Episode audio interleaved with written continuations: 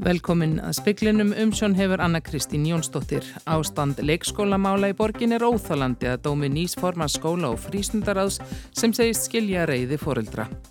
Ritthöfundurinn Salman Rushdie var stungin og lífsættulega særður á ráðstefnu í New York í dag. Rúmlega hundrað viðskiptafinni landsbankans skráður sinna á sveikasíður netþrjóta í júli, neytendasamtökin af að undanfærið fengið fjöldábendinga um netsvindl. Brons höfði ljóðskálds var stólið af stalli í Hallumstaðskói og höfðusins er leitað. Átöku umræða í kringum alþjóðsambandið og verkalýsreifinguna hafa verið harðari og umræðan heiftugri en týðkast hefur undanfarna ára tíu en er þó ekki einstæmi, segir sakfræðingur. Ástandið á lögskólakerfinu er óásattanlegt, segir formaður skóla og frístundasviðs Reykjavíkur. Mikilvægt sé að sveitarfélagin komi til móts við fóröldra sem margi búið mikla á þessu. Víða um borgina hafa sprottið upp svo kallar ævintýra borgir, reyfanlegir einingarleikskólar sem líkt hefur verið við gáma. Ævintýra borgum er ætlað að leysa húsnæðirsvanda sem skapast hefur hjá leikskólum borgarinnar á síðustu árum. Árelíja Eitís Guðmundsdóttir, nýr formaður skóla á frístundarsviðs Reykjavíku borgar, segir að ágallar á leikskólum borgarinnar hafi senkað ímsu og að mönnunar vandi hafi haft áhrif á marga leikskóla. Hún segist skilja þá foreldra sem upplifa lofvord hafi verið brotin í leikskólamálum. Það er auðvitað ákveðin vandamál sem, sem við öll eiginlega sem erum atunreikundur á Íslandi standa fram með fyrir. Það er að, að manna núna þegar að mikið er um vinnu og þess vegna í rauninu þurfum við að horfa til þess hvernig getum við, hvernig getum við orðið, orðið já, segja, hérna, besti valkosturinn fyrir þá sem eru leikskólakennarar, verðandi leikskólakennarar og þeir sem að vilja starfi í kerfinu. Við viljum gætna vera fyrst í valkosturinn. Sagði Árelja Guðmundsdóttir, Pétur Magnússon talaði við hana. Vegagerðin býr sig undir þann möguleika að Suðustrandarvegur fari undir raun vegna eldgóssins í Meradölum. Bergþóra Þorkelsdóttir, forstjóri vegagerðarinnar, hefur ágjur af því að raun stefni á þjóðvegg. Það gerir það kannski ekki akkurat í augnablikinu en það eru ákveðna líkur á því að það verði skilst okkur og þá náttúrulega lítur út fyrir það að það getur orðið róf og þá skiptir máli hvar það róf verður og, og þetta skiptir máli alls konar hluti sem við hefum enga stjórn á eins og hversu langt gósi verður og hversu mikið makt þetta er og svo framvegis og, og þetta eru menn bara að skoða. Vegagerðin og almannavarnir hafa líka rætt um að mögulega verði reikjanisbrautin líka fyrir tjóni vegna jarðræringa og reikjaniskaða. Það er í sjálfu sér ekkert plan í gangi varðandi það er báði veginnir opna en ef þú horfir á Reykjaneskaðan þá eru burðugir vegir báði megin viðan og það er ímislegt hægt að gera og meðal annars er hægt að sigla fólki ef að, ef að, ef að svo staða kemur upp. E, það eru líka ímsar þveranir á milli þessara vega á Reykjaneskaðanum þannig að, að það fyrir bara eftir í hvar þessar erfæringar koma upp hvaða möguleikar verði bóði varðandi hjáleðir til dæmis sagði Bergþóra Þorkjálsdóttir. Aðal gönguleiðin upp að góðstöðunum verður lokuð frá klukkan fjögur og nótt til nýju í fyrramálið. Lagfæra á þessa gönguleið, gönguleið A og lögreglan og suðunisjum byður fólk að fara frekar leið C á meðan A er lokuð. Ráðist var á riðtöndin Salman Rösti þegar hann ávarpaði ráðstefni í New York í dag. Rösti var stungin í hálsin og fluttur á sjúkrahús með þyrlum.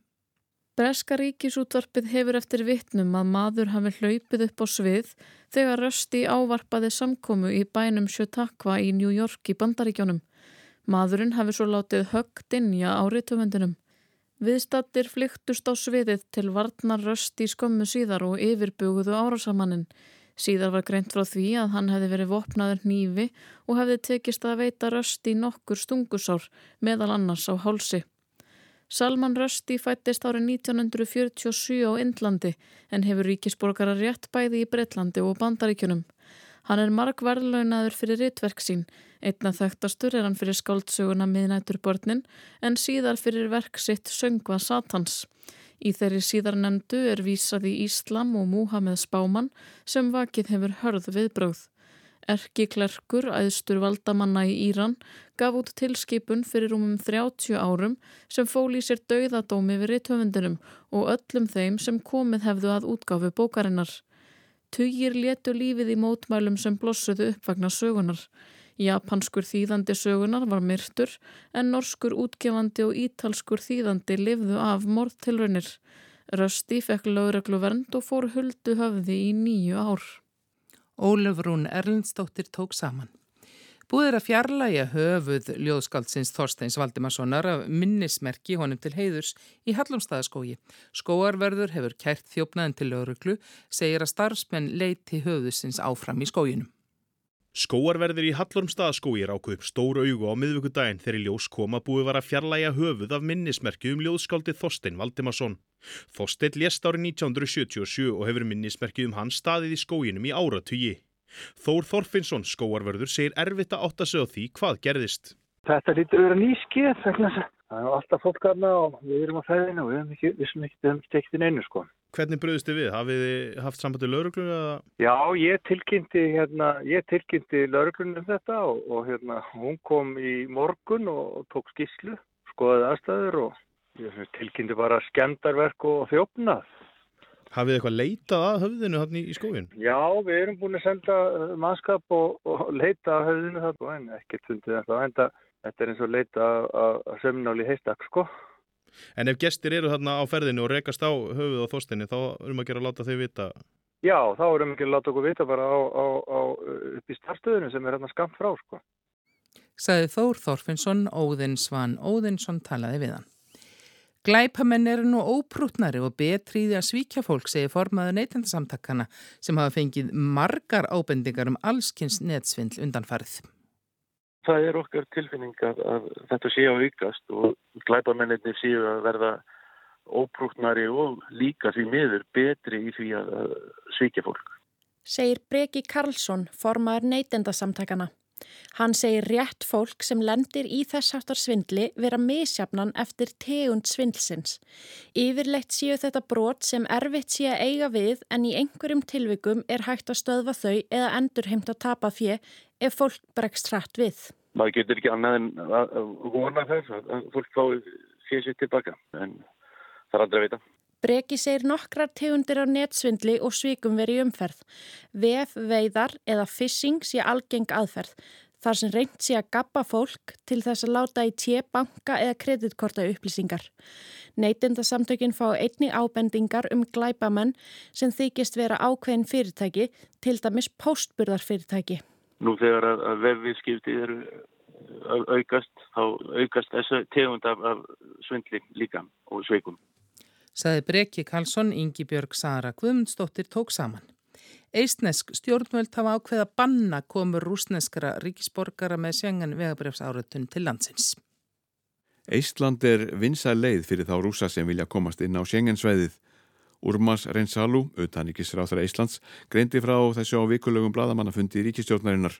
Komu bannið nær til um helmings þeirra 53.000 skamtíma vegabrefs áriðtina sem í gildi eru. Bannið á ekki við um rúsneska ríkisborgara með áriðtannir frá öðrum ríkjum Európusambandsins en ráþur hann hvað það ætlað þrýsta á sambandið að farað dæmi Íslands síðar í mánuðinum. Aukið landamæri eftirlit hefst 18. ágúst við svegarum landamærin en hvorki í höfðborginni Tallinn nýeg við söðurhuta landamærana. Rúsar búsettir í Íslandi með að áframkoma inn í landið, sömuleiðis sendir á starfsfólk og fjölskyldur þess og fólk sem hyggst heimsetja nána ættingja. Þeim rúsum sem hafa ferðarfrelsi samkvæmt Evrópusambandsreglum verður áfram leift að fara um Ísland. Jáfram þeim sem flytja vörur og fólk og fólki verður einnig leift inn af mannúðar ástæðum. Rúsneskum námsmönnum sem stundan ám í Íslandi verður heimilega að framlengja dvöl sína um eitt ár en eistnesk stjórnvöld telja einhverjum þeirra hætta búin vegna viðhors þeirra til innrásarinnar í Ukrænu. Markus Þóraldsson sæði frá.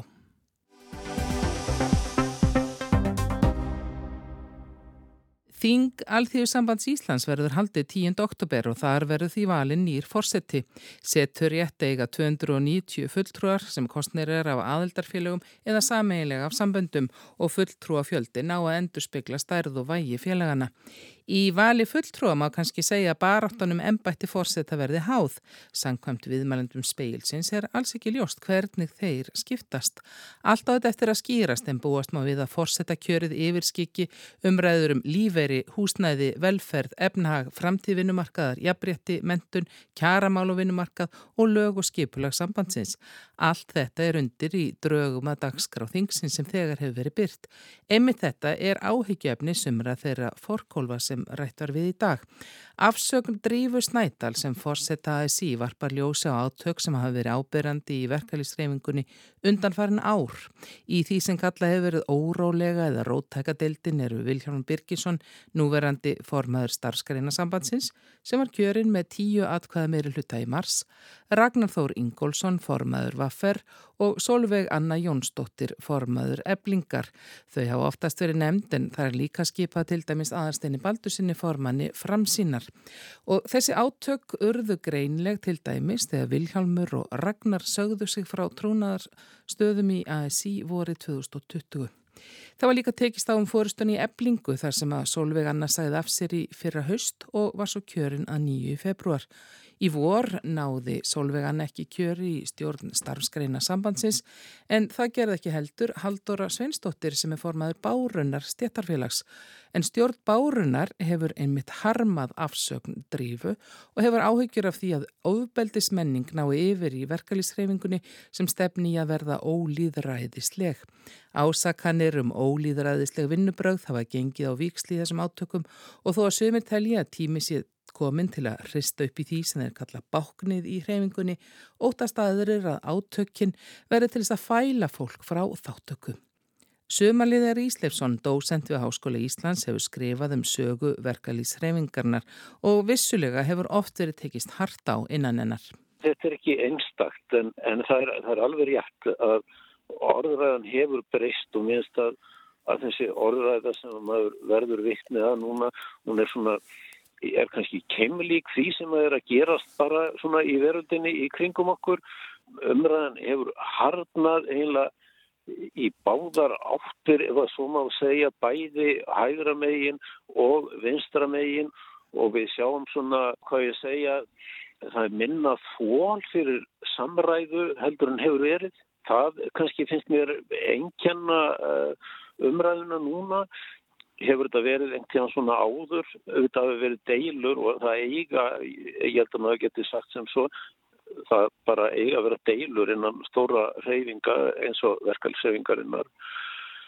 Það eru alveg dæmum það að menn hafi deilt, að fólk hafi deilt á þennan hátt áður innan reyfingarinnar ef við förum nokkra áratví aftur í tíman uh, til kaldastriðsin þá er uh, þá getur maður nú bara sagt sem svo að það er kannski ekki svo mikil samræða innan verkalýsreyfingarna. Það er alveg gífurlega hörðbaróta um völd innan reyfingarinnar og einmitt á þeim tíma mjög lítið þól fyrir samræðu og, og það er bara þannig á þeim tíma að sá sem að sigrar að hann að viðkomandi lætur bara knýja, fylgja kviði, það gerðist bara þessum tíma þessum að að luti í læra haldi voru bara áhrifalöysir og, og þeirra rættir heyrðust ekki.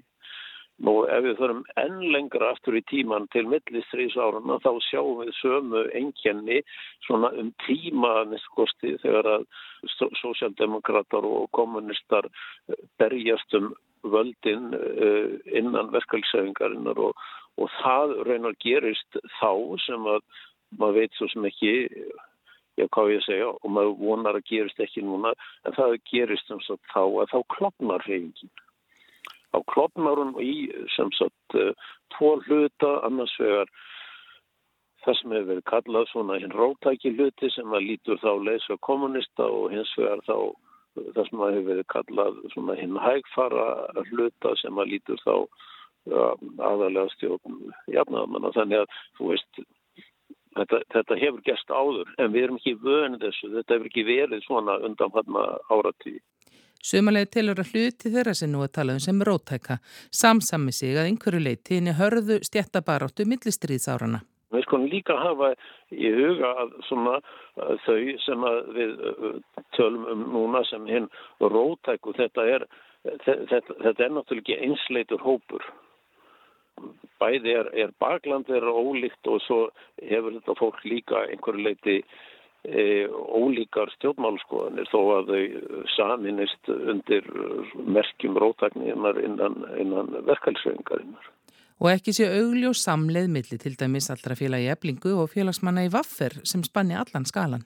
Lægst launaða fólkið sem að vinna til dæmis í stórmörkuðunum eða einhver við líka störf og síðan er, er þarna líka fólk sem að stundum hefur nú verið vísa til núna í umræðinu undanfarið að innan vaff er, er líka fólk sem við myndum kalla millist þetta fólk og er á bara háum launum. Þannig að, að, að það er mjög breyður hópur og það er einhverju leiti sko innan innan uh, rótæku blokkarinnar ef að svona orði komast að þá eru þar líka fleiri fjöl og það sem eru svona blandaðir hópar ekki bara uh, lægstlaunaða fólki sem að uh, svona virðist nú eiga að setja á ottim fyrir kjárasamningarna núna í höst.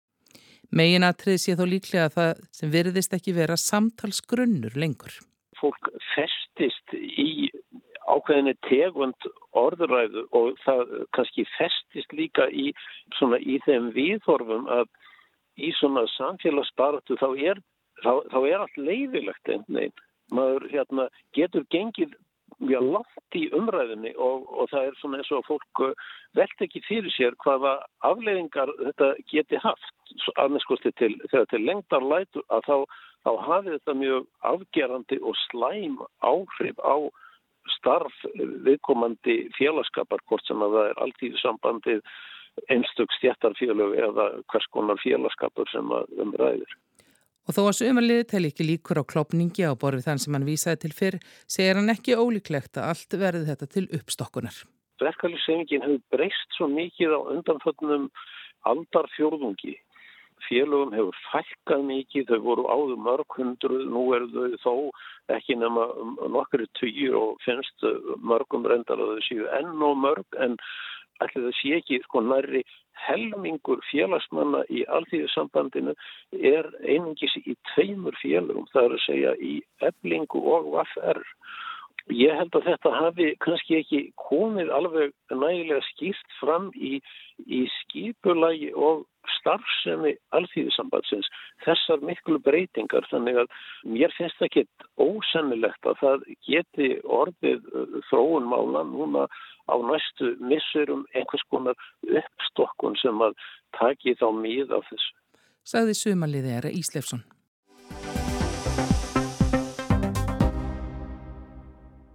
Tækni væðingin hefur ekki aðeins aukið aðgengi okkar að upplýsingum heldur líka ítt undir upplýsinga óreiðu svo um munar. Yfir 90% Íslendinga nota samfélagsmiðla sem er að mestuleiti óriðskoðaður miðill. Þar sem hver sá sem hefur áhuga eða er nægilega vinsæl getur látið skoðanir sínar í ljós. Samkvæmt könnunum Gallup nota Íslandingar samfélagsmiðlinn Facebook mest en seta kynnslóðinn krakkar fættir frá 1997 til 2012 eigðir aftur mest um tíma á TikTok. Algrímið á samskiptaforitinu TikTok þykir einstaklega grípandi og gott í að fanga aðtegli notandans rætt og öruglega. Sér í lægi á það við um ungt fólk en það er það aðal neytandi samskiptamiðilsins. Algrímið byggir á útreikningum um líklegt áhuga svið notandans. Fyrir framgefnar forsendur gera það svo að verkum að forritið gerir ráð fyrir því að ákveðin áhuga mál séu tengt. Því er líklegt að forritið síni ungum stelpum sem horfa á dansmyndbönd líka myndböndum farða og hárgreðslu. Þannig sínir forritið ungum strákum, alls óumbeðið, myndbönd með hennum mjög svo umdelda áhrifavaldi Andrew Tate. Hvaða andrú kunnið þið að spyrja? Nafnið er ólíklegt að hlustendur hafi heyrt nefnt, nema þá kannski allra síðustu daga í samfélagsumræðinni. En þrátt fyrir það var nafn hans slegið oftar upp í leitarvél Google en Kim Kardashian og Donald Trump til samans í síðasta mánuði. Leiðin upp á stjörnuhiminin virðist við vera mun hraðvirkari á TikTok en í raunheimum. Andrew Tate er sem sé orðin einhvers konar TikTok stjarnar með miljarda áhorfa á myndbönd sín. Á myndböndunum hefur hann uppi hatursorðræðu í gard kvenna, hins eginn samfélagsins og fleiri minniluta hópa. Það mætti ég að vil segja að hann sé skólabókardæmi um það sem hefur verið kallið skadlega eða eidruð karlmennska. En Andrew sveipar ofbeldi, hörku og kvennhatur miklum ljóma. Bang out the machete, boom in her face and grip her up by the neck. Like, shut up, bitch! Þarna heyrðist örstutt brot úr einu myndbandi teitt, þar sem hann lýsir því hvernig hann kemur fram við konur. Hinn 35 ára gamli sparkboksari tók þátt í raunveruleika þættinum Big Brother í Breitlandi árið 2016, en var síðar látin fara vegna myndband sem fór í dreifingu sem sínir teitt lemja konu með belti. Stuttur setna fór annað myndband í dreifingu þar sem teitt skipar konu að telja marbletti af hans völdum á líkamæðanar. Nú hefur hann gripið orðið á TikTok og fengið 12 miljardarspilana á efni sínu þar. Af hverju nær þetta efni slíku flugi? Geða Margret Péturstóttir er profesor í kynjafræði við Háskóla Íslands. Ég held að sé hérna mjög gott að vjöga að þetta eru þá einhverjar svona undirlegjandi hugmyndir sem að finna sér bara sífælt nýjan farveg. Það er byrtast á hérna eins og þú ert að lýsa þessu tilviki á hérna TikTok en svo þurfum við ekkert að fara langt aftur í söguna þegar við bara sjáum nákvæmlega sömu hugmyndir bara byrtast á öðrum miðlum. Þannig að í rauninni má alveg segja að þarna sé sko ekkert nýtt sem sé eiga sér stað en á sama tíma er rétt eins og alltaf áður full ástæða til þess að e, vera mjög á Varbergi. Talsverð umræða hefur skapast vegna þessa óvæntu vinsælda sparkbóksarans. Mörg lýsa áhyggjum af þeim áhrifum sem teit kunni að hafa á þær miljónir ungmenna sem horfa á myndbendans. Einhver hafa sagt hann mótsvar við slaufunarmenningu og pólitískum réttrúnaði. Geða segir það ekki beint koma á óvart að boðskapur sem þessi fái meðbyr eftir MeToo baráttu undanfarina ára. Ég held að þarna upplifi kannski ákveðin hópur sem að svona hefur og nýtur enn hérna ákveðina forréttinda í samfélaginu en svona finnst kannski að sér vegið og upplifir svona óöryggi varðandi eigin stöðu að í þessum hugmyndum að þá kannski færðu hérna svona ákveðina fróun, þú færð hérna ákveðina kannski samsvörun við svona einhverja óanæju og, og hérna frustrasjónir sem þú, þegar þú upplifir að vegi síða stöðin í samfélaginu. Þannig að þannig getur við sagt að þarna kannski færðu auðveldu, kannski inn að gæsalappa, svörin við kannski flóknum tilfinningum sem þú ert að upplefa. Þannig að þess vegna held ég að þetta eigi sér hérna svona mikla skýrskotun og uh, samsvörun í samfélaginu. Rannsóknir hafa jú alveg sínt að fólk er mjög ungt eða fer að svona bera hérna kennsl á uh, bæði stöðu sín í samfélaginu og líka svona þá stöðu sem það telur sig að hafa í samfélaginu. Geiðar segir að samfélagi þurfi stöðugt að vera á tánum til þess að viðhalda þeim sigurum sem hafa unnist í réttindabaráttu hingað til. Sko það er alltaf hætta á bakslægi. Það er það sem að hérna, saga hérna, bæði kvennabaráttu og hérna, saga baráttu hins eginn fólks hefur kent okkur og það er líka mjög gótt að hafa í huga að um, það sem að gerist er að sko bæði eins og þegar hérna konur hafa öðlast uh, aukna og bætta stöði í samfélaginu sama á við um stöðu hinsegin fólks að einhverju leiti sem og að sínileiki hinsegin fólks hefur aukist og aukin sínileiki uh, bætt staða hún á það til að framkalla yfir þessa undirlíkandi sjónamið. En getur verið að við séum að gefa þessu ofmikið vægi? Er þetta ekki bara einhver trúður með ósmæklegt grín?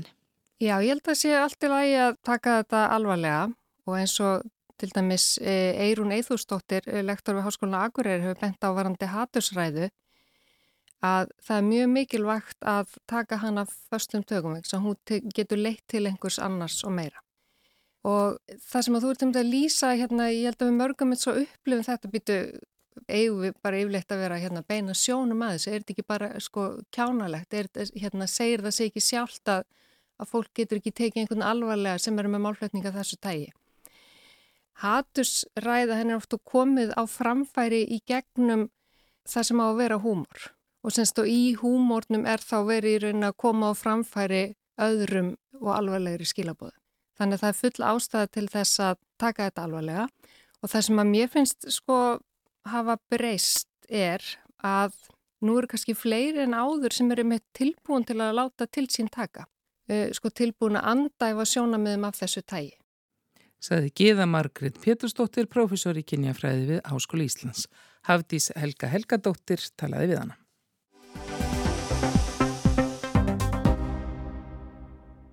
Alþjóða heilbriðistofnun segir að líðheilsu hafi hrakað í Úkrænu frá innrás rúsneska hersins í februar og ekki sé útlitt fyrir ástandið skáni á næstunni. Ásker Tómasson tekur við.